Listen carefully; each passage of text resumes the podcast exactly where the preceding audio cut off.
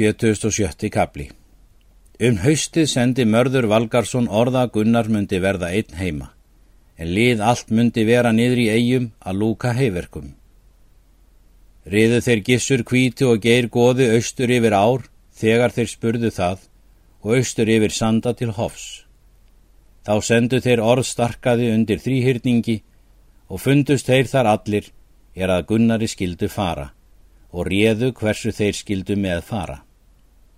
Mörður sagði að þeir myndu eigi koma óvart Gunnari, nema þeir tækju bónda af næsta bæ, er Þorkell hétt og letu hann fara nöðgan með sér að taka hundin sám og færi hann einn heim á bæin. Fóru þeir síðan austur til hlýðarenda en sendun menn að fara eftir Þorkalli.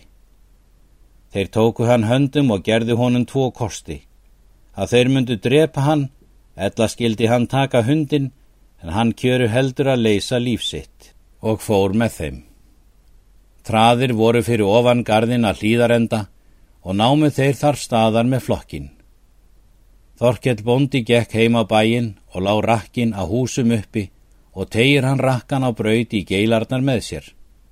Í því sér hundurinn að þar eru menn fyrir og hleypur á hann Þorkell upp og grýpur náran og rýfur þar á hól.